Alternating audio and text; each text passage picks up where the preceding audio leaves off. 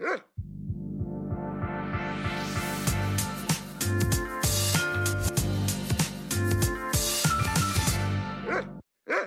og velkommen til en ny episode av Hundorama. En podkast som forhåpentligvis gjør deg eh, til en mer opplyst hundeeier. Også i dag er vi utendørs. Solen den skinner, fuglene kvitrer, og Henry han sover i stolen her ved siden av oss.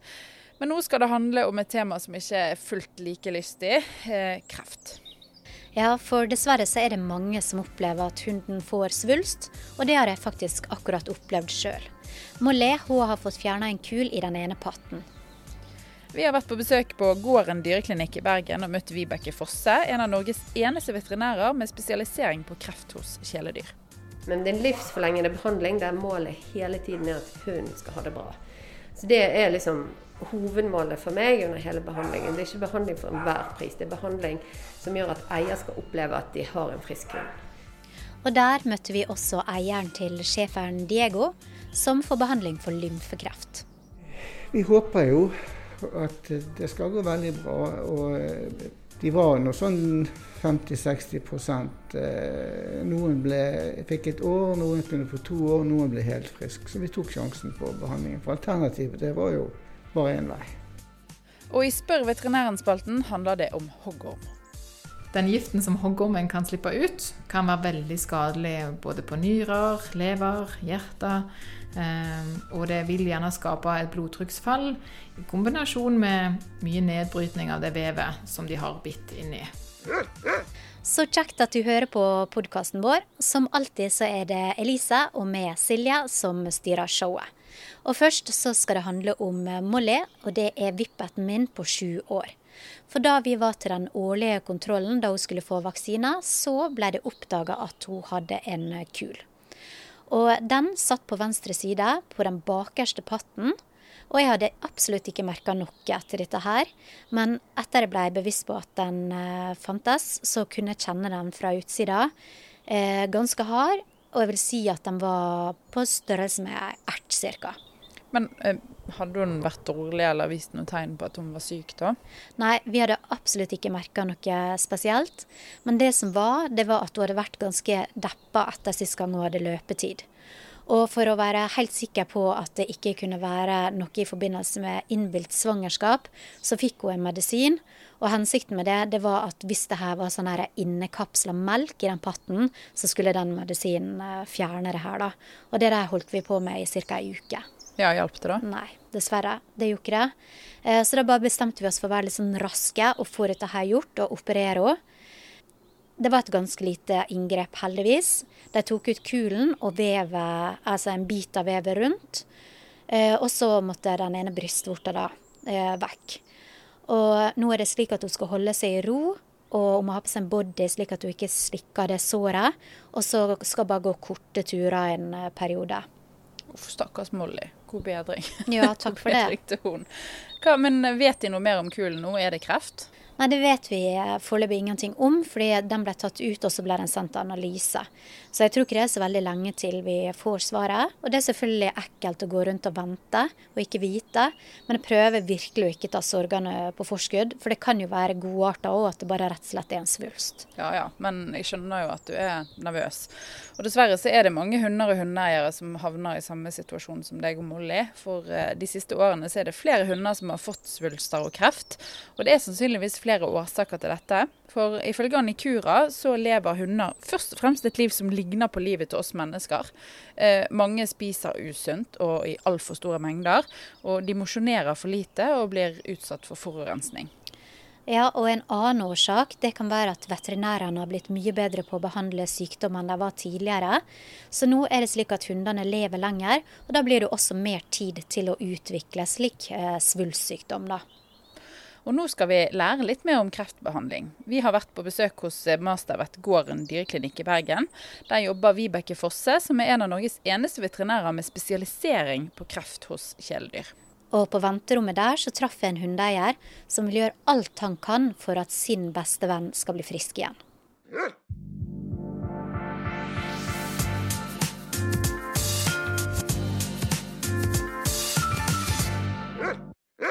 Da er jeg på Mastervet gården dyreklinikk i Bergen.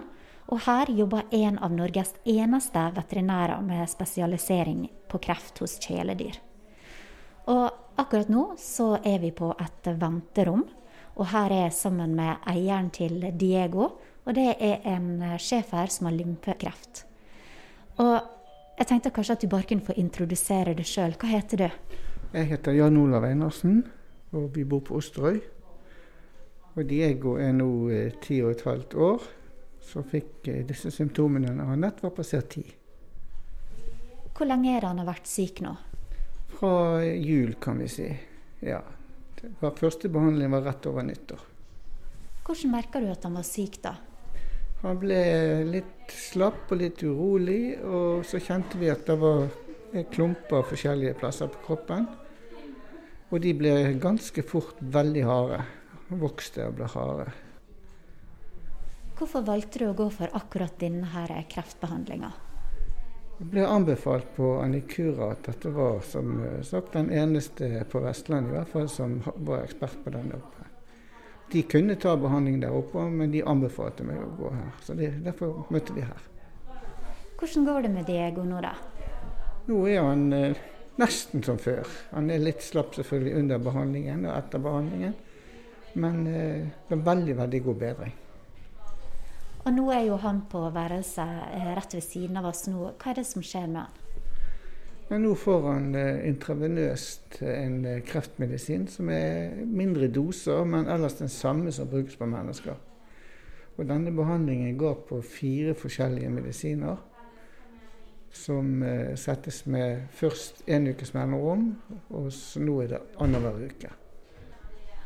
Hvordan er prognosene for å bli frisk? Vi håper jo at det skal gå veldig bra. og de var nå sånn 50-60 eh, Noen ble, fikk et år, noen kunne få to år, noen ble helt frisk. Så vi tok sjansen på behandlingen. For alternativet det var jo bare én vei. Det forstår jeg veldig godt. Lytterne våre de eh, er jo opptatt av å få råd og tips, og vi er jo litt opptatt av det praktiske også. Hvordan fungerer det når det kommer til betaling og forsikring og slike ting? Nå tar jo forsikringen for min del veldig mye, siden jeg eh, har eh, forfall midt i denne behandlingen. Så får jeg utnyttet det maksimalbeløpet på begge årene. Så, men likevel så må jeg betale 25% så jeg regner med at det koster meg på en, eh, mellom 15 000 og 20 000 dette, utenom forsikringen. Hva tenker du om det beløpet, da? Nei, altså, jeg har jo valgt å bruke det på han. Så Får han et par år til, så er vi fornøyd. Det tror jeg veldig mange forstår. Etter han har fått eh, en slik behandling som han får i dag, eh, hvordan har han det liksom i dagene etterpå? I første dagen i dag så vil han være litt slapp og som regel litt dårlig appetitt. Appetitten på han den er ikke så veldig god til vanlig heller, så vi merker ikke så veldig stor forskjell på det når det går over dagevis. Etter denne behandlingen, som er en av de milde, så er han relativt grei etter to dager. Det er jo en risikosone, som de sier, etter hver behandling. For denne behandlingen så er det en tre dager hvor man skal være litt forsiktig og nøye med å vaske hender og ikke kose for mye med han, så det ikke la han slikke, slikke seg og slike ting. Men eh, etter tre dager så er det ingen restriksjoner.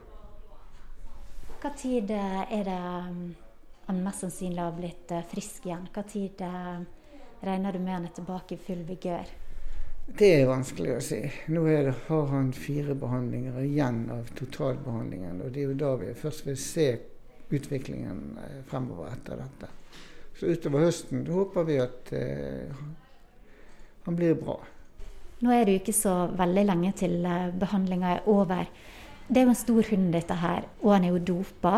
Eh, må du bære han, eller hvordan blir det? Nei da, han eh, går selv, men du ser han er litt eh, sjangla. En så utrolig snill og god og grei pasient. Santiago. Så som vanlig litt, litt sånn trøtt og sliten resten av dagen, kanskje. Så jeg setter opp ny time om to uker. Det er den 31. Klokken ti som vanlig. Ja, det passer bra. Ja. Stakkars Jesus. Sovner du igjen nå? er vi ferdige for i dag.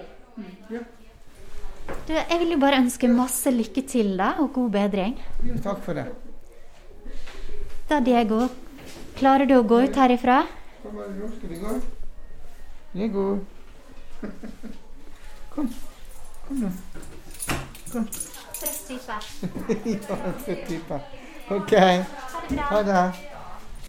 Veterinær Vibeke Fosse, nå er vi jo veldig interessert i å høre hvordan det går med han eh, Diego. Ja, det, Diego er en pasient som jeg er veldig fornøyd med hvordan det går under behandlingen. Han har jo en eh, krefttype som heter lymfekreft.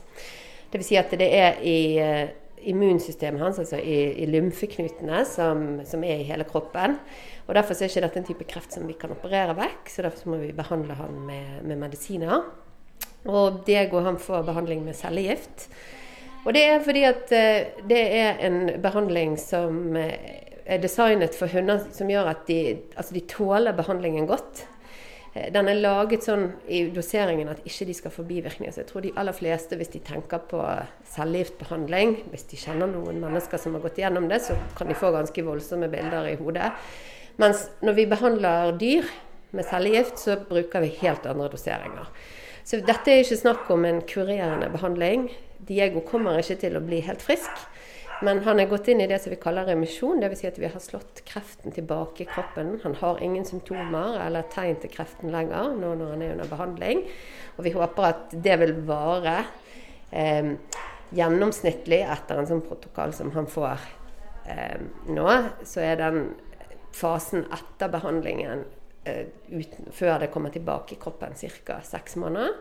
Men eh, noen har lenger, for det er gjennomsnittet. Sånn at det er jo det vi håper på lengst mulig tid, der han er frisk. Men, men det vil komme tilbake på et eller annet tidspunkt.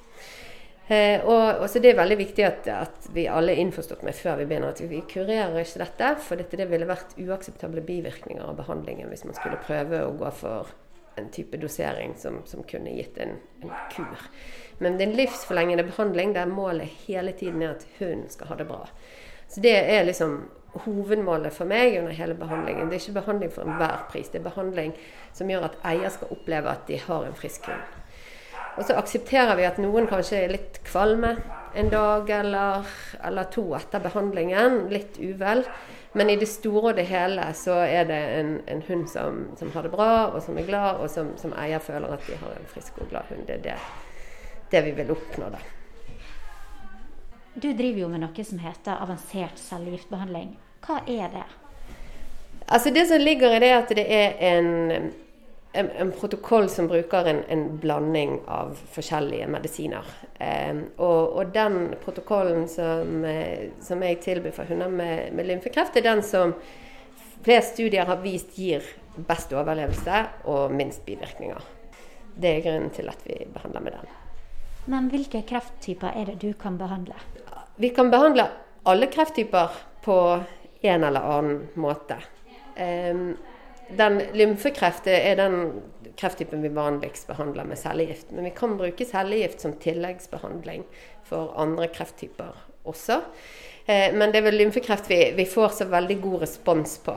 Der vi liksom, at hunden blir frisk i løpet av et par uker på behandlingen. og og holder seg frisk i et år. Mens med andre krefttyper, det som er vanligst på hund, er jo ofte kreft på utsiden av kroppen, altså svulster i, i hud og, og, sånne steder. Og da er jo operasjon ofte eh, et av førstevalgene. Eh, og da må, er det viktig at man undersøker om det er spredning. Først finner ut hvilken type kreft det er, og om det er spredning, før man opererer. Og så kan man liksom planlegge da om en operasjon er en god idé, og om den hunden kan ha nytte av noe tilleggsbehandling etterpå, som kan da noen ganger medføre også cellegiftbehandling. På andre dyreklinikker så kan du jo få kreftbehandling eh, til hunden din. Men hva er den eh, store forskjellen på det dere gjør her, og eh, på en helt vanlig dyreklinikk? Altså Den store forskjellen er at jeg har en spesialisering i kreftbehandling på dyr. Så jeg har en mastergrad fra Universitetet i København eh, som er en spesialisering i, i onkologi, som kreftsykdommer heter. Så det er vel det, Og det er det jeg driver med. sånn at det, det, som er forskjellen, er vel, er vel, kunnskap og erfaring, tenker jeg. Eh, og, og, og, også trygghet for min del, fordi at dette jeg holder på med hver dag, i, i hva jeg, jeg, tør å tilby. Jeg tror nok at en del veterinærer i vanlig praksis som, som, gjør litt av alt, så det å starte med en, en cellegiftbehandling overveldende. fordi at det, det også krever gode sikkerhetsrutiner, både skriftlig og også for de som jobber på klinikken, å vite hva de skal gjøre. Sånn at eh, ja, det er en fordel med å komme hit. Er det mange som benytter seg av dette tilbudet? Ja. Jeg mottar Altså det er jo først og fremst Det er noen eh, kunder som kommer hit direkte fordi de har hørt om at, at, vi, at jeg er her, at jeg har en veterinær med spesialisering i kreftsykdommer. Men de fleste pasientene jeg får, de får jeg fra de andre klinikkene i bergensområdet. Så det er kollegaer som sender de til meg. Hvem er det som er den typiske pasienten? Jeg tenker Den typiske pasienten som kommer til meg, er en uh, hund som eier bryr seg veldig om. Uh, det er hunder som absolutt er et uh, verdsatt familiemedlem.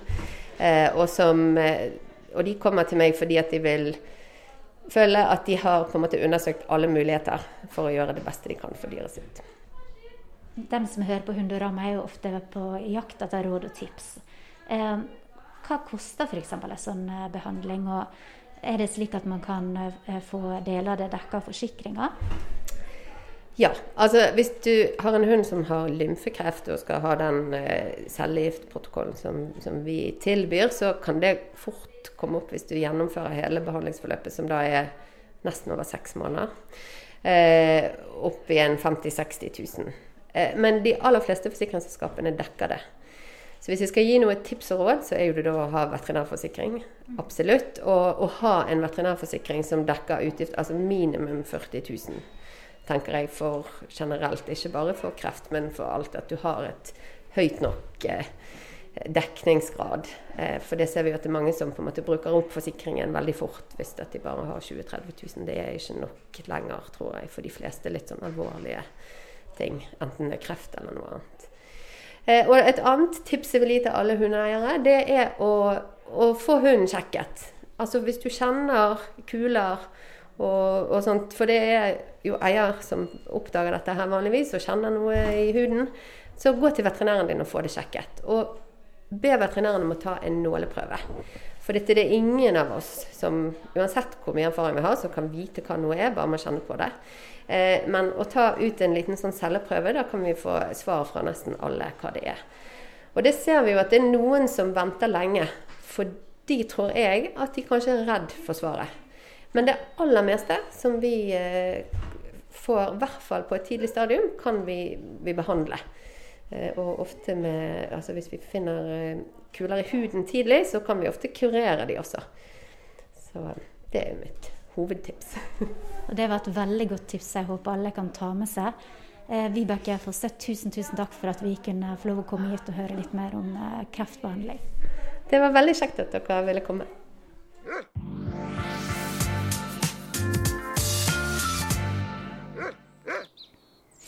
Som vi hørte i reportasjen, så er det superviktig å ta tegn på at noe er galt på alvor, og gå og sjekke hunden din om du mistenker kreft. Men og Vibeke hun nevnte ikke symptomer, så det har vi tenkt å liste opp nå. Det vanligste er at eieren kjenner en klump på huden. Men en svulst kan også fremstå på mange andre måter, som f.eks. sår som ikke vil leges, og smerte i beina slik at hunden plutselig begynner å halte. Ja, Det kan òg være at hunden er mer tørst eller har feber, oppkast, trøtthet, blødning fra en kroppsåpning, eller kanskje endret atferd ved f.eks. avføring eller urinering. Eh, disse symptomene kan ses ved mange andre sykdommer også, men det kan jo være tegn på svulst. Og jeg skal jo selvfølgelig gi dere en oppdatering på hvordan det går med Molly, men nå skal vi gi oss med dette triste temaet. Eh, det skal handle om noe helt annet. Men det er jo ikke akkurat så gøy dette temaet heller, da. Nei. Bare spiss ørene, folkens. Nå som det har blitt varmere i været, så er det kjempedeilig å gå tur.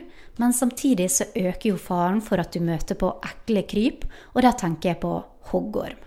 Sjøl har jeg bare møtt på én orm i løpet av sju år jeg har gått tur med hunden min. Men selv om sjansen ikke er så stor, så kjenner kjempemange med hoggormskrekk. Og det er jo ikke så rart med tanke på at hoggormbitt kan være dødelig. Så det er dette det skal handle om i Spør veterinæren spalta i dag, og jeg er her sammen med Kristine Skogseth Jacobsen. Hei. Hei. La oss si nå da at hunden plutselig halter, og du ser et eller annet på foten til hunden. Hvordan kan du avgjøre om det faktisk er et hoggormbitt? Hvis en eh, har gått i terreng hvor det kan være hoggorm, og en ser eh, f.eks. to små prikk inni huden i forbindelse med en hevelse i regionen, så skal en mistenke at det kan være huggormbitt. Men det er mange som ikke ser forandringer der som en har blitt bitt. Og i noen tilfeller så kan jo huggormen òg bite såkalte tørre bitt, altså at det ikke slipper ut noe gift inn i vevet som de biter i. Så en kan aldri være helt trygg på at en lett kan avdekke det, bare sånn ved å undersøke det sjøl. Eh, dermed så anbefaler vi jo at bare ved mistanke så bør en oppsøke veterinær. Ja, for det var jo mitt eh, neste spørsmål. Altså, hva skal vi gjøre hvis hunden blir bitt og vi er på tur? Ja, der er det jo eh, sånn at den beste behandlingen er faktisk væsketerapi. Altså intravenøs væsketerapi. Den giften som hoggormen kan slippe ut, kan være veldig skadelig både på nyrer, lever, hjerte. Um, og det vil gjerne skape et blodtrykksfall i kombinasjon med mye nedbrytning av det vevet som de har bitt inni. Det beste en kan gjøre med en gang, sjøl som eier når ute på tur, er jo å begrense sirkulasjonstransporten ehm, av giften. Så bærer hunden f.eks. til bil, eventuelt bare ha bånd på de, sånn at de ikke løper veldig mye ekstra, og skyndte seg til nærmeste veterinær.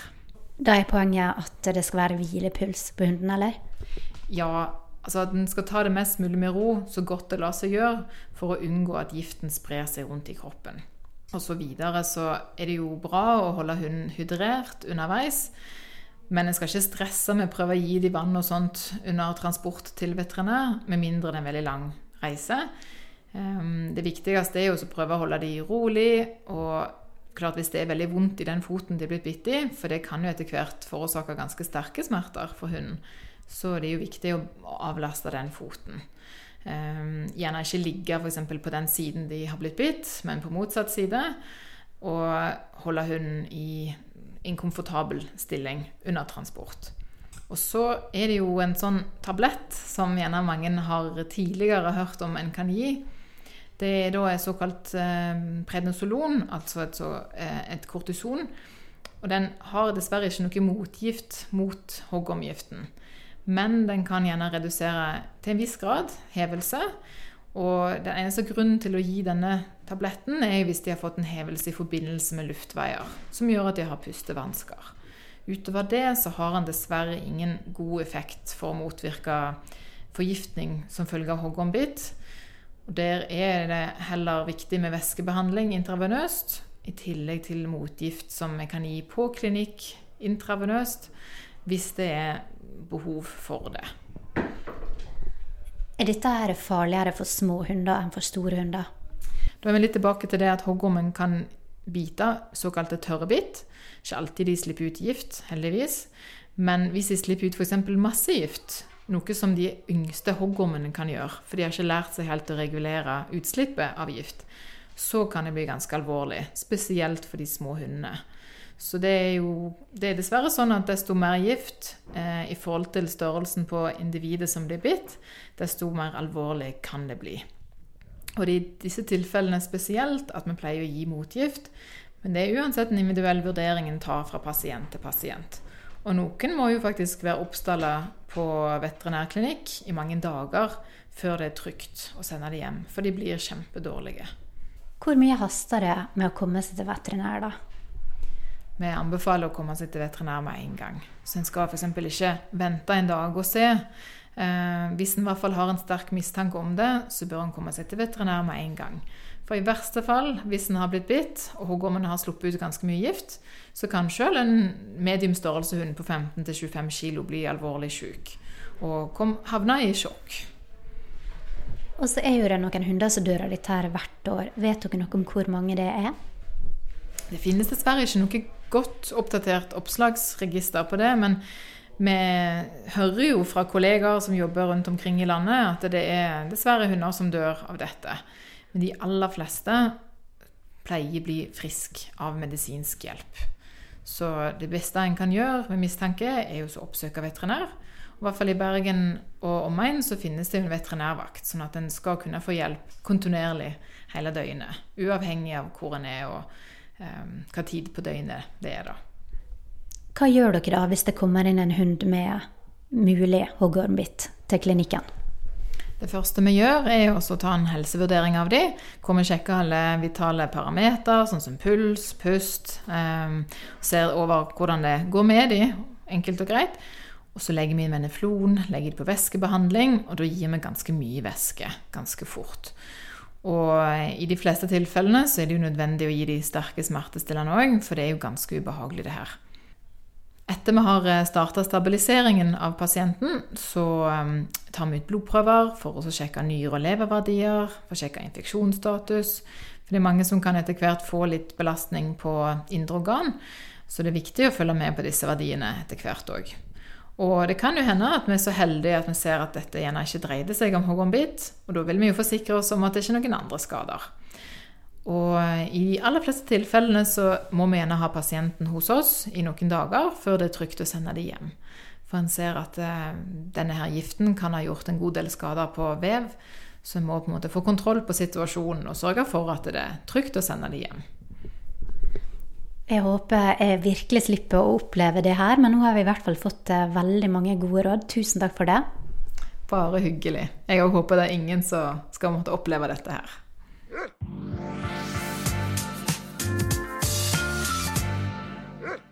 I tidligere episoder så har vi delt forskjellige tips om hundehold, men nå begynner jeg faktisk å gå tom for gode råd. Eh, det eneste nye jeg har gjort for Molly i det siste, det er at jeg har bytta smaken på våtfôret. Og det har vært veldig populært. Jeg ser at hun liker å spise noe annet, og at hun har fått bedre appetitt. Eh, så det får være mitt tips i dag. Prøv å variere litt eh, i kosten. Men Elisa, har du noen tips? jeg har delt eh, alt jeg kan med våre kjære Hundorama-lyttere, så nå går det snart tomt her òg. Men til dere som har eh, klipperaser, så vil jeg bare tipse om å kjøpe en klippemaskin sjøl. Det har jeg gjort. Eh, Henry er ikke eh, på sitt beste utseendemessig akkurat nå, men eh, jeg lærer hele veien, og det blir bedre og bedre for hver gang. Og jeg betalte vel kanskje rundt 2000 kroner for den, og det er jo fort spart inn igjen. Hvis man tenker på hva det koster å ha hunden, enten på salong eller noen kyndige folk som tar eh, penger for å klippe. Og Det er masse gode videoer på YouTube og i Facebook-grupper og sånt noe, så det var mitt tips. Ja, jeg syns den ser helt fin ut. da. Jeg hadde ikke reagert hvis ikke du hadde sagt at du hadde klippet den eh, sjøl.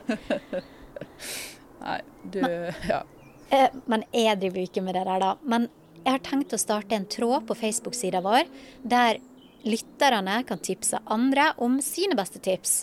Eh, og som takk for engasjementet, så vil jeg plukke ut noen som jeg vil sende en Hundorama-kopp til, som takk for hjelpa. Ja, og de koppene er veldig gode å drikke av, folkens. Eh, ellers så blir vi kjempeglade for tilbakemeldinger, så bare ta kontakt via sosiale medier eller mail. Og til slutt så vil vi bare si tusen takk for at du hørte på.